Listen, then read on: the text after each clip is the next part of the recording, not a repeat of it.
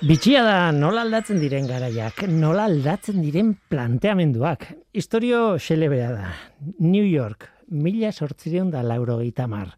Eugene Schiffelin, izeneko gizon batek, Central Parken arabazozo pila bat askatu zituen.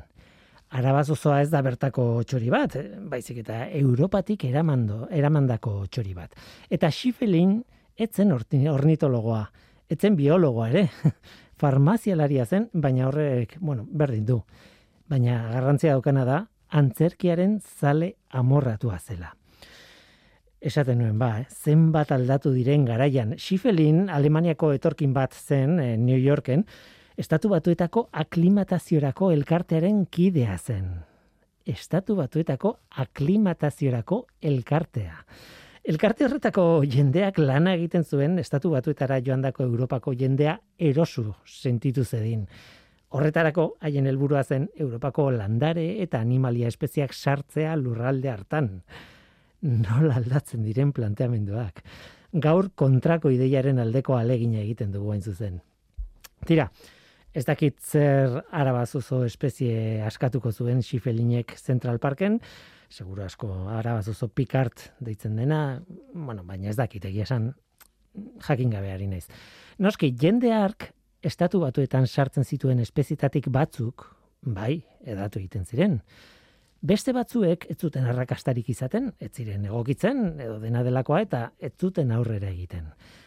Alde horretatik ikusita sekulako alegina egiten zuten estatu batuetako aklimataziorako elkartearen kideek haien lanean. Baina arabazuzoak bai arrakasta izan zuen gehiegi. Eta ordutik aurrera ipar amerikan zabaldu eta arazo bilakatu zen. Kanpotik ekarritako espezie arrakastatxu guztiak bezala esan behar da Esan dut Schifelin, bueno, antzerkiaren zalea zela eta badu leku bat datu horrek gure historioan. Shakespearen zalea zen Schifelin. Eta Shakespeare askotan sartu zituen txoriak haren obretan. BBC argitaratutako artikulu batean azaltzen dute helburu dramatikoarekin erabiltzen zituela Shakespearek egaztiak. Sakontasuna emateko, edo maitasunaren simbolo izateko, edo tragediaren sentimendua areagotzeko, edo, bueno, dena delakoa, ez? Amazazpigarren mendeko literatura zari gara, noski. Oso gokia zen, gara hartan, estilo hartan, eta, eta eta egile horrekin, ez?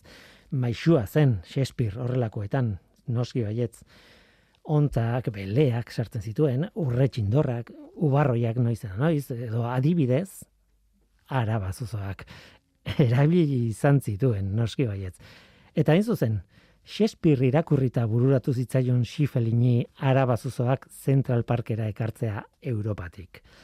Irurogei bat alein askatu zituen nik dagidala okerrez banago. Eta oso polita da, BBZek erabili duen izenburua hori dena azaltzen duen artikuluan. Bueno, izenburu gaiztoa da, egia esan, baina polita.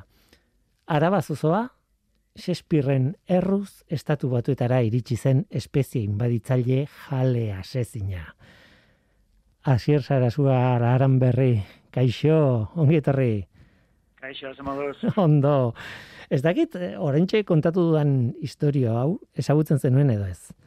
Ez, arabazozoak zabaldu ziala, Europatik eramandakoak eta ziala, edo joan ero, bai, entzun da, baina ez, e, Eugene Xipelineo, Xipelineo, no?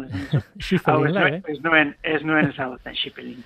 Bidaliko izut, esteka, e, irakurtzeko, bueno, egia esan, e, espero zitekena azaltzen du, ez, e, artikulu horretan, baina hazen momentua, ez, e, e, kaiola pilo batekin joan Central Parkea, zabaldu bere intentzio onarekin, bere garaiko pentsamenduarekin eta eta bai. hortik aurrera, ba, ba, hoxe, estatu batuetako ekologia aldatu zuen era bat. Bai, bueno, e, eun urte beranduago antzeko konturen bat pasatu da Argentinatik eta beste toki batzuetatik ekarritako kotorrekin.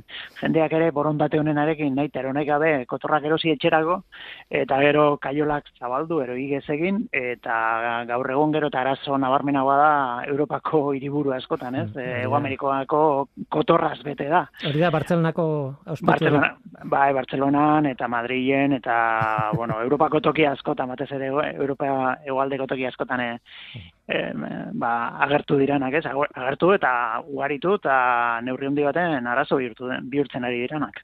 kalteak ez dakit konpartu daitezke, bueno, bi espezie ezberdin, bi egoera ezberdin eta bi toki ezberdin, baina nolabait esan daiteke duela ehun urteko kontu hori dagola oinarrituta ez jakintasunean adibidez, baina gaur egungoak ez, ez?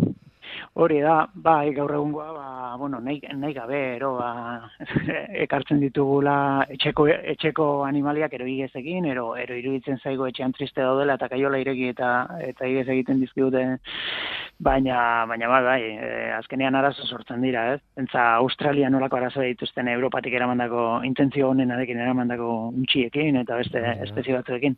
Hori da, bai, bai, Australiako historia da, bueno, beldurgarria, ez? bai, datu agentzuten direnean, ze, ze nola desagertu diren bertako hainbat eta hainbat animalia, eta nola ugaritu diren amendik eramandakoak, ez, Europatik eramandakoak, askotan ba intentzionen arekin, baina... Mm. Garai batean gogoratzen dut egin genuen programa berezi bat, baina ja urteak dira, Australiako ekologiari buruz, eta horri buruz ditzen genuen, e, bueno, e, untxi buruz, eta mixomatosia, eta zeria, eta ez da gizarrez, eta... E, Nik ez dakit, gare hartarako dokumentazioan egin nuenean adibidez, esaten zuten, Claro, Australian dagoen e, dromedarioa ere e, sartutakoa zela, ez zela bertakoa. Eta hala ere, ez zuten esaten problema zenik. Osea, saldu egiten zuten arrakastaz sartutako espezie bat bezala edo. Kuriosoa zen. Bai, bai, bai, bai. Hmm. Tira ez dugu esan, baina joriak.euseko sortaila zara asier zarzuaran berri, ez zaitut eh, behar bezalako ongi etorri bat eman, e, txorizale amurratua eta nik uste dut gainera bueno, e, mundu honetan dabilenak hemen gipuzkoan ezagutzen zaituela, ezta? Pues ez dakit emesterako, eh? Ez dakit emesterako. Txorizale, txorizalea bai, baina nik nire, nire burua beti sentitu dut e, pixkat ornitologo eta zera mundu e, e, botere eguneetatik ez botere, botere agaitik beten, baizik eta bakipuzkoan esate baterako txingudi inguruan, zarautz inguruan daude e, txorizale gehienak, eta ba, bizkaian e, ba, urdei bai inguruan, ero bilbo inguruan, eta ni hemen eibarren tartean nago, eta sentitzen naiz pizka satelite aparte, beste ingurunetatik aparte bizidan e, satelite txiki bat, ez? Bai, baina, baina bai, bueno, ja, adinare badukagu, eta, eta urte batzuk eman dizkio txorizaletazunari.